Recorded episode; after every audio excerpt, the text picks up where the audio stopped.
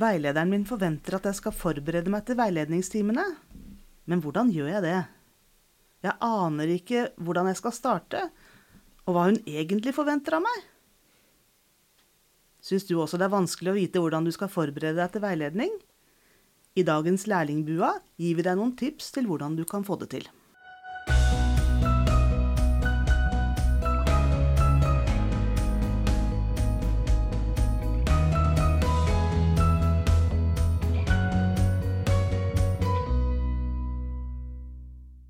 Velkommen til dagens episode av Lærlingbua.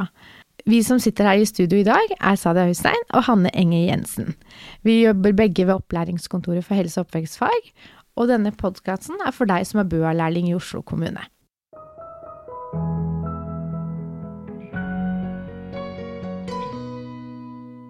Hva er egentlig veiledning? Tja, helt kort så, så er det jo en samtale mellom to personer.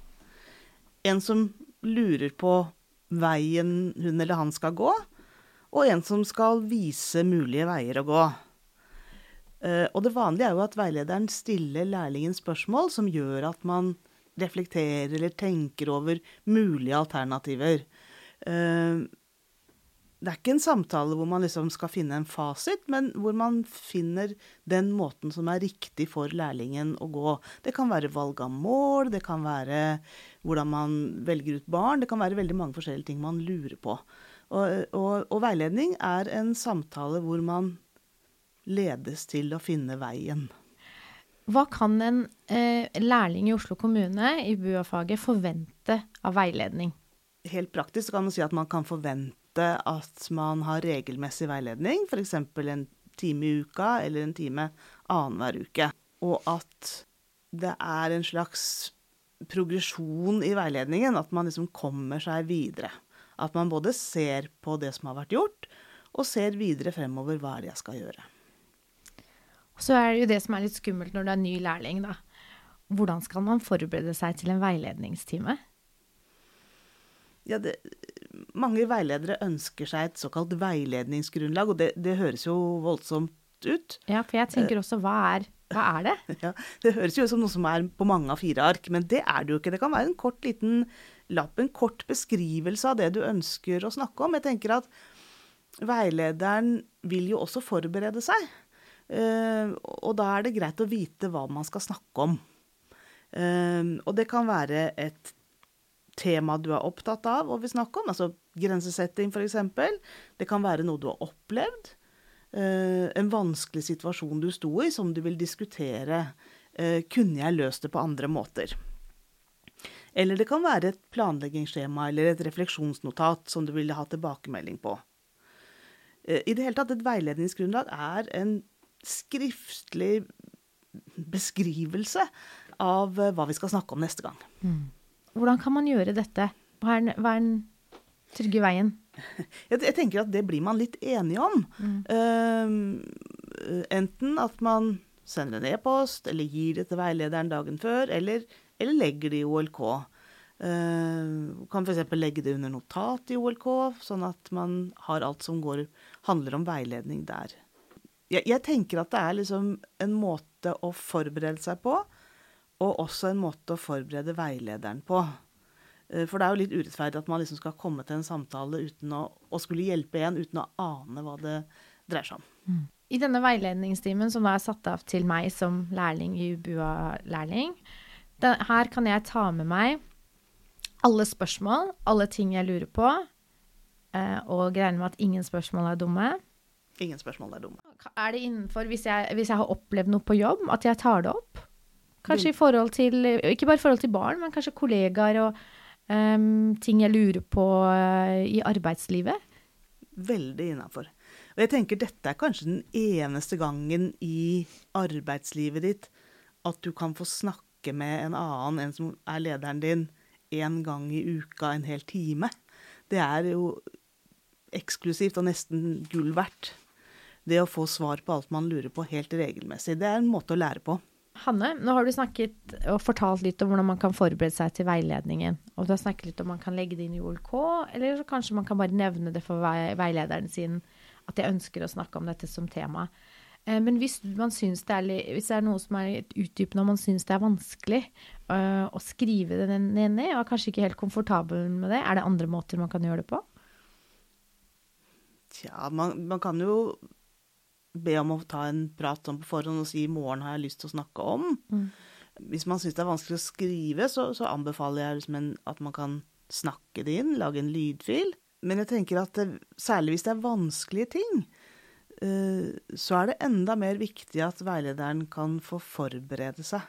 At ikke det kommer helt bardus på, eller at du rett og slett sitter en hel veiledning og ikke får sagt det, da.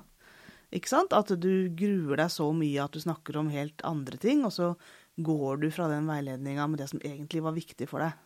For det å skrive et veiledningsgrunnlag er jo også å forberede seg selv. Altså det å få opp motet, og særlig hvis det er vanskelige ting man skal snakke om. Kolleger du syns er vanskelig å jobbe sammen med, eller som du føler ikke tar hensyn til deg. Så er jo det vanskelig å ta opp. Og da vil et veiledningsgrunnlag funke sånn at du får forberedt deg til den samtalen. For det er fort gjort å liksom snakke om alt annet for å slippe å snakke om det som du egentlig kjenner i magen. For, for jeg tenker det er litt det veiledning handler om. At når du kommer til det punktet at det liksom er litt ubehagelig, at du kjenner på det, at det er vanskelig, eh, det er jo da veiledningen er bra. Det er da du får hjelp til det du egentlig lurer på. Og så kan det jo være sånn at jeg får i oppgave å planlegge en aktivitet som jeg syns er vanskelig. Og kan jeg da ta med meg planskjema til denne veiledningstimen og snakke med veilederen min og jobbe med dette planskjemaet for den aktiviteten? La oss si jeg skal holde en samlingsstund, og så har jeg aldri gjort det før. Og jeg er veldig nervøs. Hva gjør jeg da? Eh, ja, du svarer på det første du spør om, kan jeg ta med meg et veileder eller et, eh, et skjema, planleggingsskjema, er jo ja. Men ikke kom med et tomt skjema. Liksom start med å fylle ut noe, hva du tenker, hva målet kan være. Eh, Men det trenger jo ikke å være perfekt. Altså En veiledning er jo ikke sånn at jeg kommer med et perfekt planleggingsskjema, viser det til veilederen, og veilederen sier 'dette var bra', så flink du har vært, og så er veiledningstimen over. Det tenker jeg er en veldig bortkasta og litt unyttig veiledning. Eh, For veiledning handler ikke om å få applaus. Veiledning handler om å komme seg et skritt videre og lære noe mer. Og det betyr ikke nødvendigvis applaus hver gang. Så jeg må regne med å bli fortalt at dette kanskje ikke var godt nok. At dette må jeg jobbe mer med. Det kan rett og slett gjøre litt vondt. Ja. Så da må jeg øve på å ikke ta det personlig. Da tenker jeg at dette er faglig progresjon. Ja. Men det er jo personlig òg. Altså, la oss si at du har sittet der i et par timer og forberedt et skjema, og så var det ikke godt nok. Det gjør jo litt vondt. Jeg kjenner på at jeg hadde blitt litt sur og tenkt eh, dette er bra, det er du som tar feil. Eh, Men så får man jo tenkt litt ekstra over det, og så ser man kanskje at den andre har rett, og at man må flikke på ting, da. Og det er jo egentlig veldig, veldig kjedelig, men jeg tenker læring er jo det å prøve og prøve og prøve på nytt og på nytt og på nytt og bli bedre for hver gang.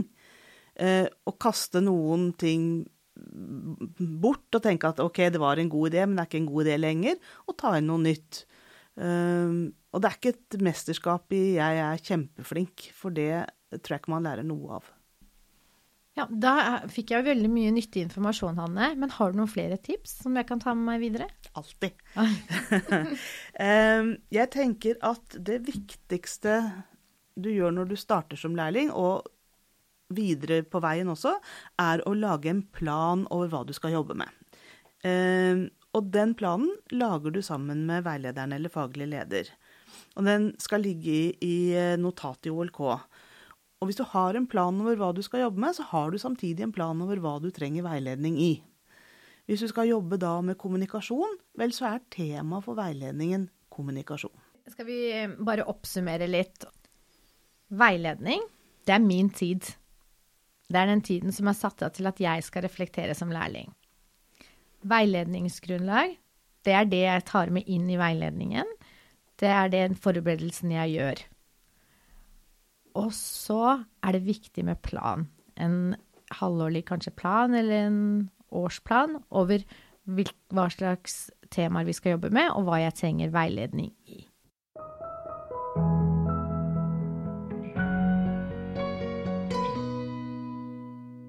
Du har lyttet til Lærlingbua. I studio i dag har du hørt Sadia Hussein og Hanne Enger Jensen.